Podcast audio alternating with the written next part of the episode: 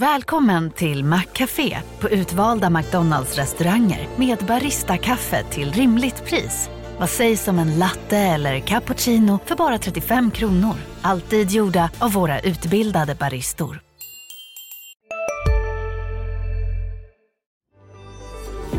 Handla turbovaranter i en plattform byggd för turbovaranter och uppnå bästa möjliga tradingupplevelse.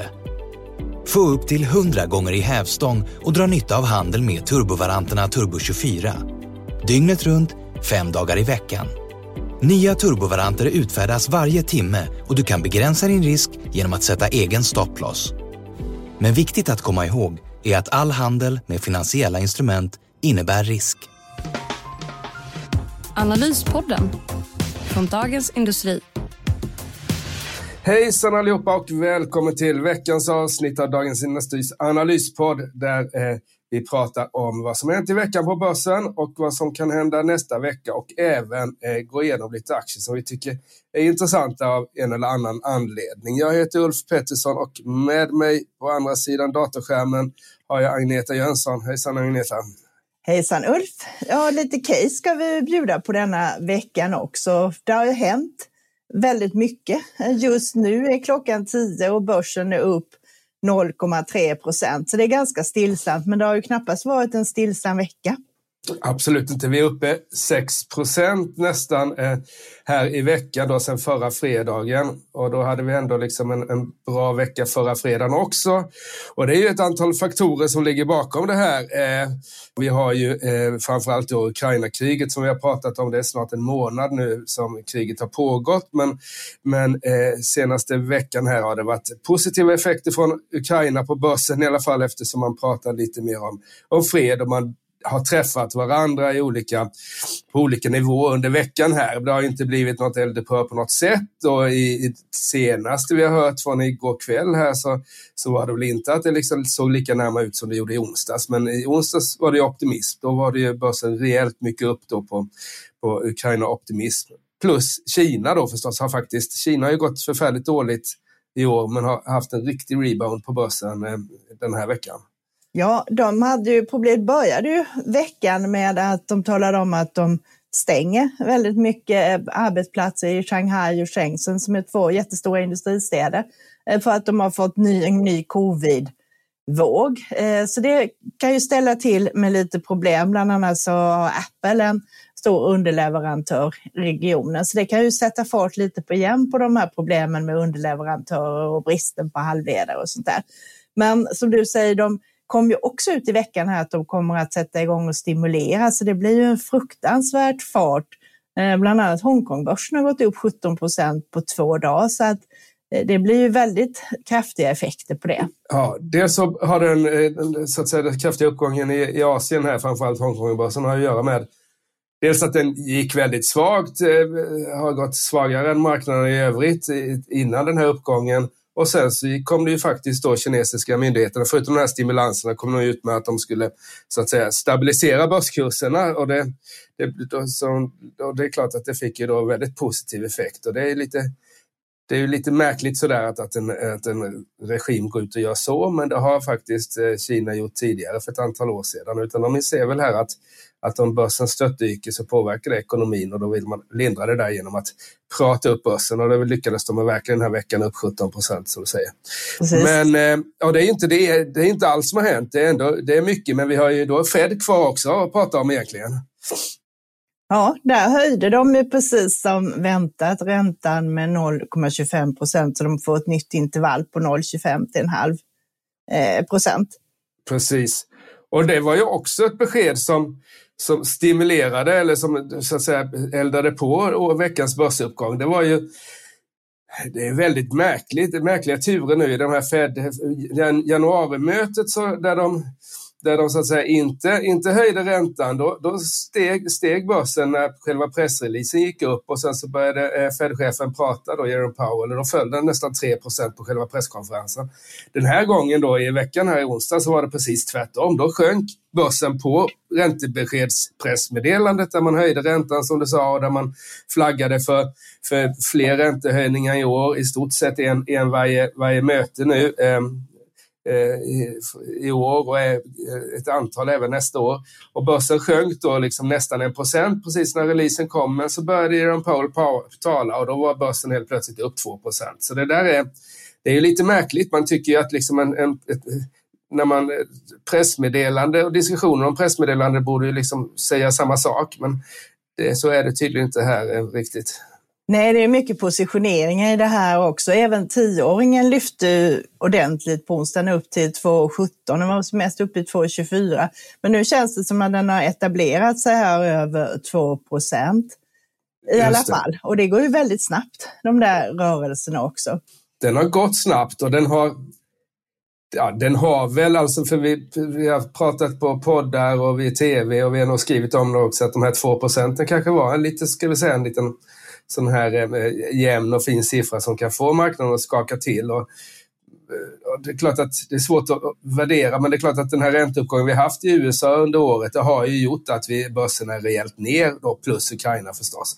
Och så får vi väl se här om det fortsätter upp eller om marknaden har så att säga är ikapp kapp eh, Fed nu, eller hur det blir här. Det, det, men som sagt var, rörelserna har minskat lite grann på, på den amerikanska räntemarknaden. Även i, USA, eller även i Sverige har vi haft ett ränteuppställ här för, för det som hände i Varberg under veckan, vilket också kanske kan påminnas om var ju att Stefan Ingves, vår centralbankschef, var där eh, ett par dagar och då uttalade sig i P4 lokalradion där om att de här räntehöjningarna 2024 som de pratade om vid senaste räntemötet, de gäller inte längre utan nu är det ränte, räntehöjning redan nästa år och kan till och med bli 2022 om man ska tro marknaden här med tanke på den inflationssiffra vi fick senast på 4,5 procent. Så det, det är, är, är, verkligen händelserika tider i vår ekonomi.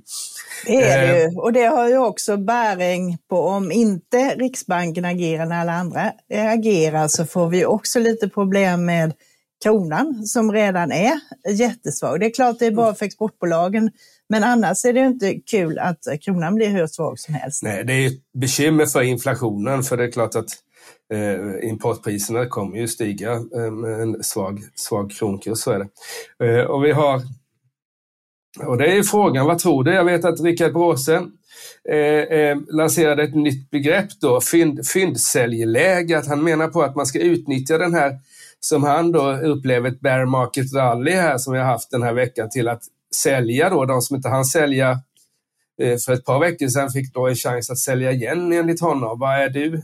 Är du en anhängare av bear market rally eh, definitionen eller ser du så att säga mer, mer en vändning eller har du ingen stark åsikt? Jag tycker jag det ligger en hel del i det som Bråse säger där och tittar vi nu eh, så om vi tittar på OMXS30 så har vi tagit igen halva nedgången, Det var ju ner 22 procent när det var som värst där för ett par veckor sedan och nu är det ner 11 på årsbasis.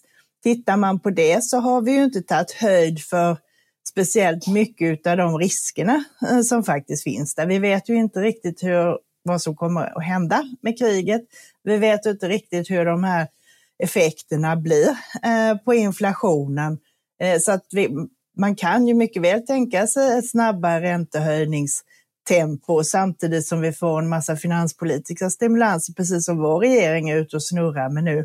Men alltihopa det där ökar ju osäkerheten, vilket eh, definitivt kan slå eh, på konsumtionen. Så jag tycker att man har inte riktigt tagit höjd för de risker som finns. Sen kan de ju lösa sig snabbare och då är det okej, okay, men eh, jag är nog med på det där att nedsidan är större än uppsidan just nu. Mm. Mm, ja, men jag, jag, jag, är benägen att hålla med här, men det är, och det är ett avgörande läge. Om jag ska referera till våra eh, kära kollegor då, så skrev eh, Micke Wellenius idag då om, om hur, hur det, allt det här slår ut på vinstutvecklingen i börsbolagen. Och än så länge har inte eh, finans, eh, alltså, eh, bolagsanalytikerna petat in så mycket stora förändringar då, men med tanke på vad vi har sett i senaste veckan om att att eh, Ukraina-kriget kan göra en procent eller mer på BNP-tillväxten så bör det ha effekt på, på vinsterna och vinstprognoser och sånt där för 2022. Men det är osäkert läge. Sen har vi det här också som du är inne på. Det, alltså det mesta tycker jag är i den negativa vågskålen, i stort sett allt. Liksom. Räntemarknad och, och risk, eh, förhöjda risken och så. Det, på den positiva sidan finns ju då eh, finanspolitiken. Där har vi ju inte bara i Sverige utan i hela världen så har vi ju eh, många år nu, flera år i alla fall, kanske sedan finanskrisen så har vi, har vi då eh, en eh, finanspolitik i världen där man är väldigt känslig för, ska vi säga, börsnedgångar och tillgångsprisnedgångar och man är väldigt snabb på att komma med då kortsiktiga stimulanser. Liksom. Och det, det är klart, kommer det ett jättepaket från EU då på något sätt eller att Magdalena Andersson öppnar plånboken ännu mer, eh, då, då, då stiger ju börsen och ekonomin blir inte lika dålig. Så det är, eh, det är lite, lite politikerna som nog avgör om vi ska fortsätta ner eller inte tror jag. Precis, en intressant grej faktiskt i pusselbit i det hela var att faktiskt Ryssland betalade ju igår eh, 117 miljoner dollar i ränta på ett lån eh, Eh, som JP Morgan hjälpte till och tog betalade vidare de här pengarna till obligationsägarna. Och det visar ju i alla fall att man avser att betala på statsskulden och eh, bedömningen är att de pengar man får in från försäljning av gas till Tyskland och bland annat eh, kommer räcka till räntorna. Och det är nog en prestigesak också för att om man missar en betalning, det som man kallar för en default, det gör ju att liksom hela eh, risken för en statsbankrutt i Ryssland ökar ju. Och skulle det bli så, så är det tydligen första gången sedan ryska revolutionen där för över hundra år sedan. Eh, så att det är en sån här grej som eh, man ska hålla koll på, om de faktiskt betalar, för det visar också eh, hur de ser, det här att man ska se hur de agerar, inte hur de snackar så att säga.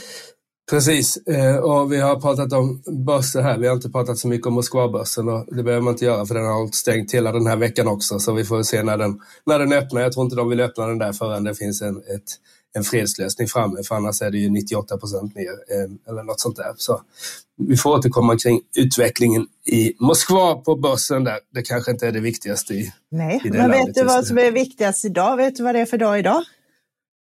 Eh, jag tror det är Ingmar Stenmarks födelsedag. Ja, kanske faktiskt. inte det jag tänkte på direkt, men det är ju viktigt, inte minst för honom. Men det är faktiskt sån här kvadruppel-witching på USA-börsen.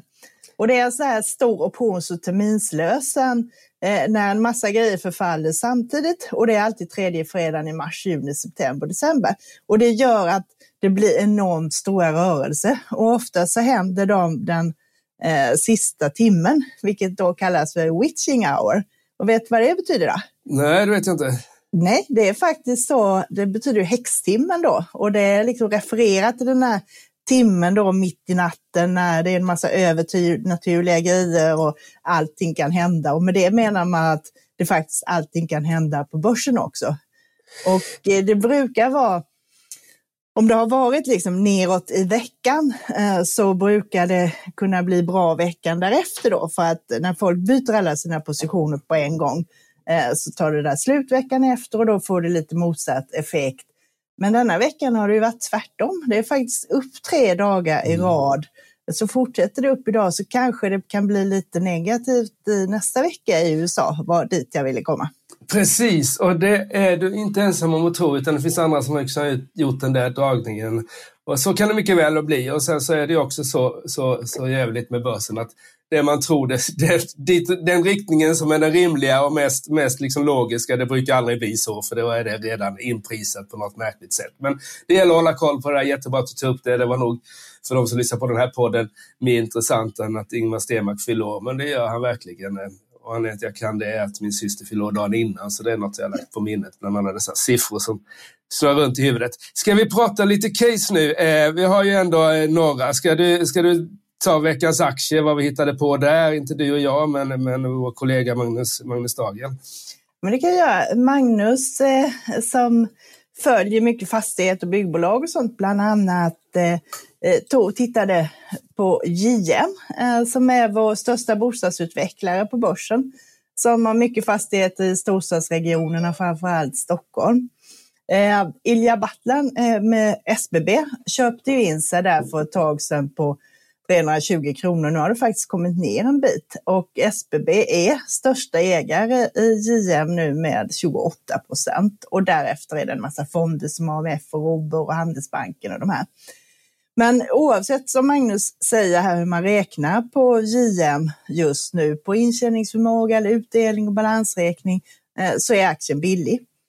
Och de har mycket, de har 20 000 byggrätter i balansräkningen och bostäder behöver det ju byggas, eh, vet vi ju allihopa. Så de kommer kunna bygga lika många lägenheter. Eh, och de har markoptioner ytterligare på att kunna bygga mer. Eh, det räknar ju med att vi får en vinst per aktie på 28,7 kronor i år, vilket ger ett P tal eh, som ligger, den har gått upp lite sen har du också valt att bli egen? Då är det viktigt att skaffa en bra företagsförsäkring. Hos oss är alla småföretag stora och inga frågor för små. Swedeas företagsförsäkring är anpassad för mindre företag och täcker även sånt som din hemförsäkring inte täcker. Gå in på swedea.se företag och jämför själv. Hej, Synoptik här. Hos oss får du hjälp med att ta hand om din ögonhälsa. Med vår synundersökning kan vi upptäcka både synförändringar och tecken på vanliga ögonsjukdomar. Boka tid på synoptik.se. Han skrev, men det är fortfarande runt 10, vilket är, är väldigt lågt. Det är ett av börsens lägsta. Så att, och ändå så är det en hygglig eh, direktavkastning här, eh, som är på runt 4 procent. Så att det är ett sånt där case som känns det ha en bra uppsida, men samtidigt är risken, tycker jag i alla fall, relativt låg. För byggande kommer det ju att behövas här, oavsett om det händer de, vad som händer här med eh, krig och räntor och sådant. Bra, det var eh, veckans aktie och eh, numera har vi lite mer eh, eh, börstips eller ska vi säga börsspaningar i vår, i vår analyspodd här. Och jag tänkte ta upp två bolag egentligen om, om, om jag får det. Eh, eh, och då tänkte jag börja med H&M som kom med försäljningssiffror i veckan.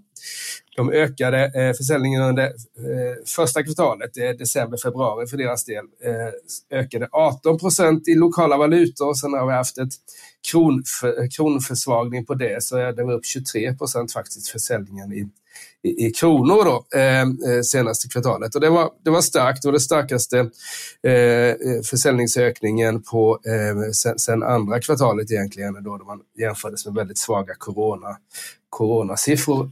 Eh, och eh, ja, eh, satte köp på H&M på 160-170 spänn för eh, det är inte så länge sedan, det är bara drygt en månad sedan och nu är den 130 så det har inte varit så kul. Eh, Börsen har i andra sidan inte heller varit så kul då men H&M har gått klart sämre än, än marknaden i snitt. Och du sa att OMX30 var ner 11 procent, eh, Agneta. H&M är ner nästan 20 i år. Eh, jag tycker det är lite överdrivet negativt har varit för H&M. De har ganska mycket till Ryssland, det är negativt förstås. Den starka, starka dollarn är, negativ för dem, men tittar man eh, på lite sikt så brukar faktiskt eh, eh, H&M kunna tjäna pengar även när dollarn är hög det kan bli liksom en kortsiktig effekt innan, innan det liksom så att säga stabiliseras. Då. Dessutom så är det inte något som drabbar H&M mer än någon annan egentligen, utan det är, en, det är de, de stora klädhandlarna köper ju också in mycket i dollar. Då. Så, det är, så jag tycker det har kommit ner viktigt i pris. Så triggen här, dels så ser jag att den faktiskt stiger en del idag, då, så det är möjligt att den är för ned såld även på kort sikt. Men sen kommer ju då efter bolagsstämman här i maj så kommer ju H&M börja återköpa aktier. Och eh, med tanke på att free är ganska liten i förhållande till H&M eftersom Stefan Persson äger så väldigt mycket aktier så, så kan det stimulera aktien en del. Plus att vi får en ganska rejäl utdelning, i synnerhet nu när kursen har gått ner här. Så, så jag skulle säga att ge inte upp era hm aktier utan eh, förhoppningsvis håller det på att vända för dem. Det var väl min lilla spaning för veckan. Jag tycker den är klok Ulf. Jag köpte faktiskt några H&M förra måndagen då på 127 kronor, vilket jag är väldigt nöjd med. Mm. Och eh, jag tänkte på det också som brukar vara fallet i H&M att när det är lite sämre tider så brukar de kunna gynnas av det. För det är inte så att man inte behöver kläder, men man kanske går ner lite istället för att köpa dyrare märken så köper man mer hos H&M istället. Det har vi sett när det har varit andra kriser. Precis, eh, så är det. Så, nej, men som sagt den har, den har kommit ner, ner ganska rejält i pris, eh, så jag tror att den kan vara värd att plockas upp. En annan, eh, ett annat bolag, en annan aktie har skrivit om i veckan och de har också kommit med, de har kommit med en riktig rapport. Det, det var inte bara försäljningssiffror, det är ju skidanläggnings friluftsturistföretaget Skistar som eh, kom med en fantastisk resultat här för perioden eh, december-februari. De det ska ju vara bra då. Det är liksom både jul och sportlov, men det var nästan en miljard i rörelsevinst. Nytt, nytt, det var en fördubblad vinst jämfört med eh, för ett år sedan och det visste man att de skulle slå förra året för det var ett corona, coronakvartal, men den, är, den var klart bättre även än, än eh, så att säga, för säsongen 1920 då, där vi inte hade någon corona. Och eh, omsättningen jämfört med för, före coronatid ökade över 30 procent och vinsten var upp 15. Och då är ändå, skulle jag säga att då, då, då, har man nästan glömt bort i allt det här som har hänt senaste månaderna. Men det, vi hade ju faktiskt en omikronvariant mitt under julen, framförallt i Norge då det var liksom lite återhållsamt i, i fjällen där, så, i norska fjällen. Så jättebra resultat. Eh, jag tror att påsken kommer bli ganska bra. Eh, det som, det som Skistar har lyckats med eh, senaste åren på ett annat sätt än, än de andra skidanläggningarna. Nu pratar jag inte liksom om, om, om hästar i Småland och sånt, utan om de andra internationella eh, stora anläggningarna. Det är att de lyckas fylla upp veckorna som inte är högveckor, alltså inte är jul och sportlov och, och nyår och påsk och sånt där, utan de här mellanveckorna har, har Skistar lyckats då få upp här och det är ganska många sådana veckor kvar innan det är påsk, för påsken ligger sent i år. Så jag tror att det kan bli ett ganska bra eh, nästa rapport också för Skistar och då är aktier, jag satte köp på den där aktien i augusti förra året. Eh, den är ner 4-5 procent även efter den här positiva eh, eh, reaktionen igår på den här starka rapporten. Eh, börsen eh, har gått lite, lite bättre än 6-8 procentenheter bättre. Men jag tycker att, att eh, senaste tiden här så har, har faktiskt Skistar börjat leverera. Eh, de har blivit av Går man tillbaka några år i tiden så skulle de då expandera i, i Alperna men nu har de lagt ner det där och de fick nästan ge bort sina, sin Alpensatsning då. Eh, gjorde en stor nedskrivning där eh, eh och satsar då på det de kan, nämligen norska fjällen med två anläggningar och sen så i Sverige då där Åre och Sälen är de stora. Eh, och det, man hör, jag fick något mejl i veckan här från någon som eh, tyckte att det är så dyrt att åka, åka upp till fjäll, svenska fjällen och det håller jag med om. Det är en jättedyr typ av semester, men den är populär. Och med den här svaga kronan vi har så är det ännu dyrare att åka till Alperna. Så eh, det kan vara så faktiskt att, att utlänningarna, danskar framförallt, och lite grann kommer till oss och vi eh, dra oss för att åka med våra euro ner till eh, Alperna utan stanna kvar i de svenska fjällen. Plus att alla svenskar som inte har några pass nu för tiden får hålla sig på hemmaplan också. Precis, precis. Påsk, det går inte att ta sig till Alperna i påsk då om du har... Ja, jag tillhör de där som hade tänkt att, att, att vila i Europa i sommar, men det får väl bli höst istället för Eh, Eh, nästa tid var i september. Ja, spännande. Jag har gjort en stor genomgång av den nordiska banksektorn i veckan här och jag ska inte berätta allt som står i den för det var fyra sidor så då får vi hålla på till lunch. Men jag kan i alla fall säga så pass att om man tittar på olika scenarier här, om vi får en tristare och långdragen utveckling på kriget, vad ska man ha för banker då? Och då tycker jag att man ska ha DNB och Handelsbanken. DNB därför att Norge ligger ju före i den här räntehöjningscykeln. Man har redan höjt räntan två gånger och man kommer fortsätta. Och det slår successivt in positivt på DNBs räntemarginaler. De är precis som Handelsbanken stora på bolån. De har 22 procent marknadsandel eh, på hemmamarknaden, precis som Handelsbanken har i Sverige. Och det är också en sån här stabil intjäning även i dåliga tider eh, som rullar på.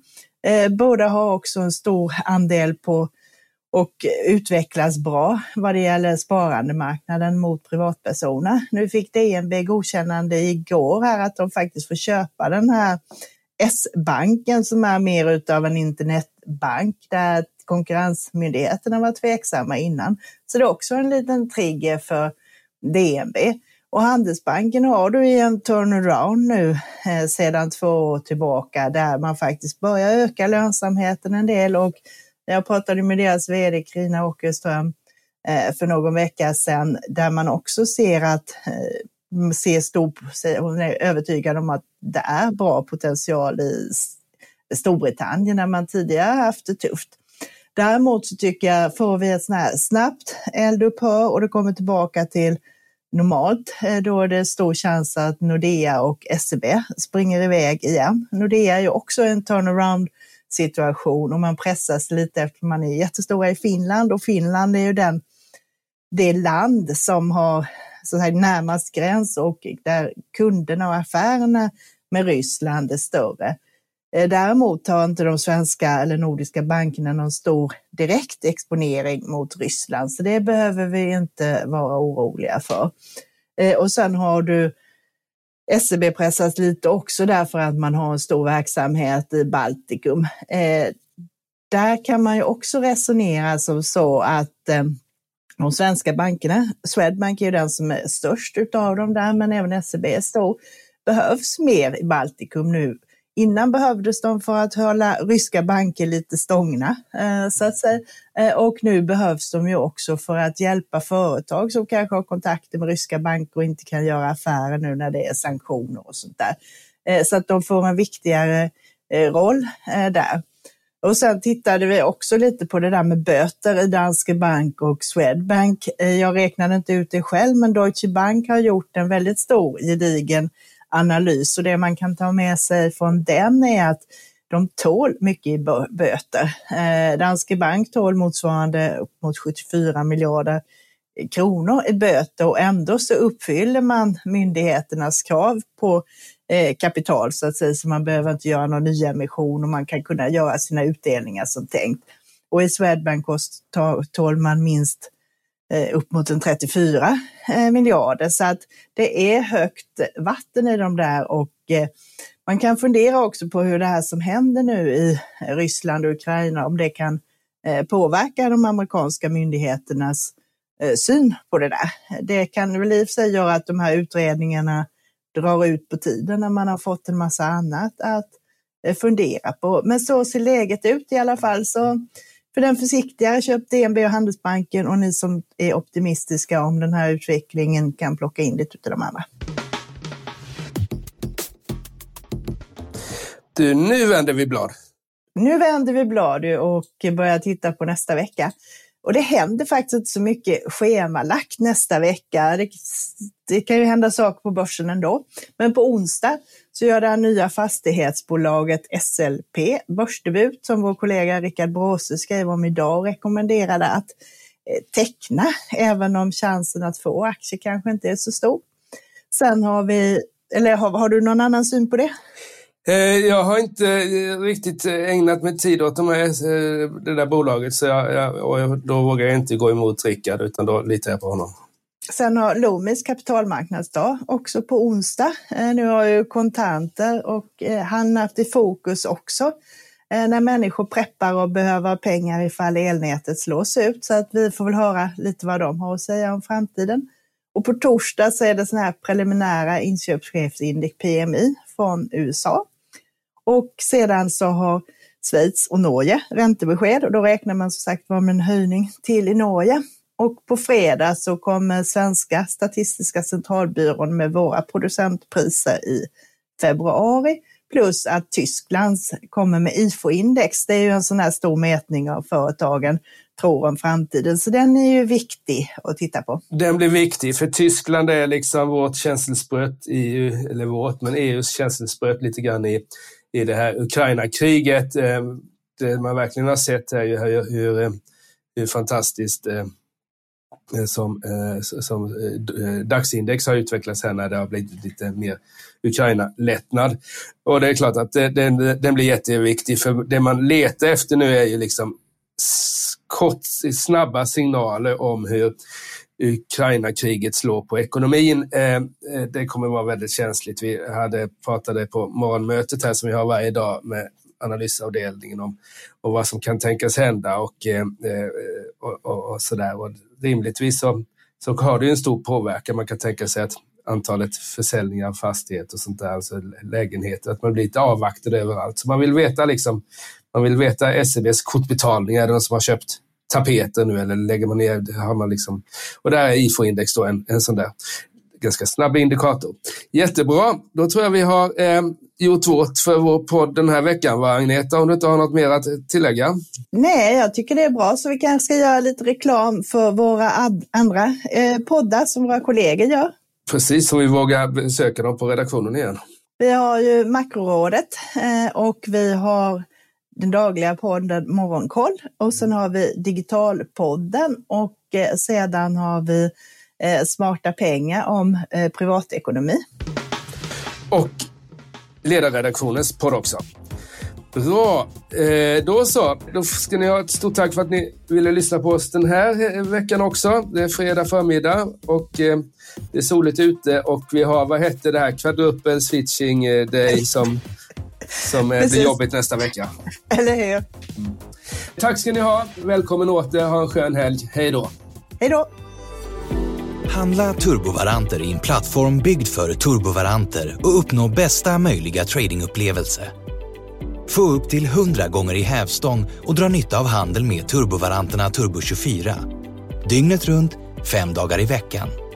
Nya turbovaranter utfärdas varje timme och du kan begränsa din risk genom att sätta egen stopploss. Men viktigt att komma ihåg är att all handel med finansiella instrument innebär risk. Analyspodden från Dagens Industri. Programmet redigerades av Umami Produktion. Ansvarig utgivare Peter Fellman.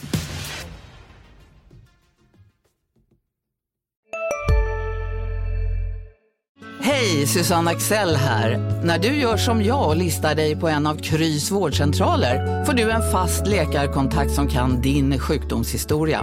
Du får träffa erfarna specialister, tillgång till lättakuten och så kan du chatta med vårdpersonalen. Så gör ditt viktigaste val idag, lista dig hos Kry. Ni är med om det största. Och det största är den minsta. Ni minns de första ögonblicken. Och den där blicken gör er starkare. Så starka att ni är ömtåliga. Men hittar trygghet i Sveriges populäraste barnförsäkring. Trygg Hansa. Trygghet för livet.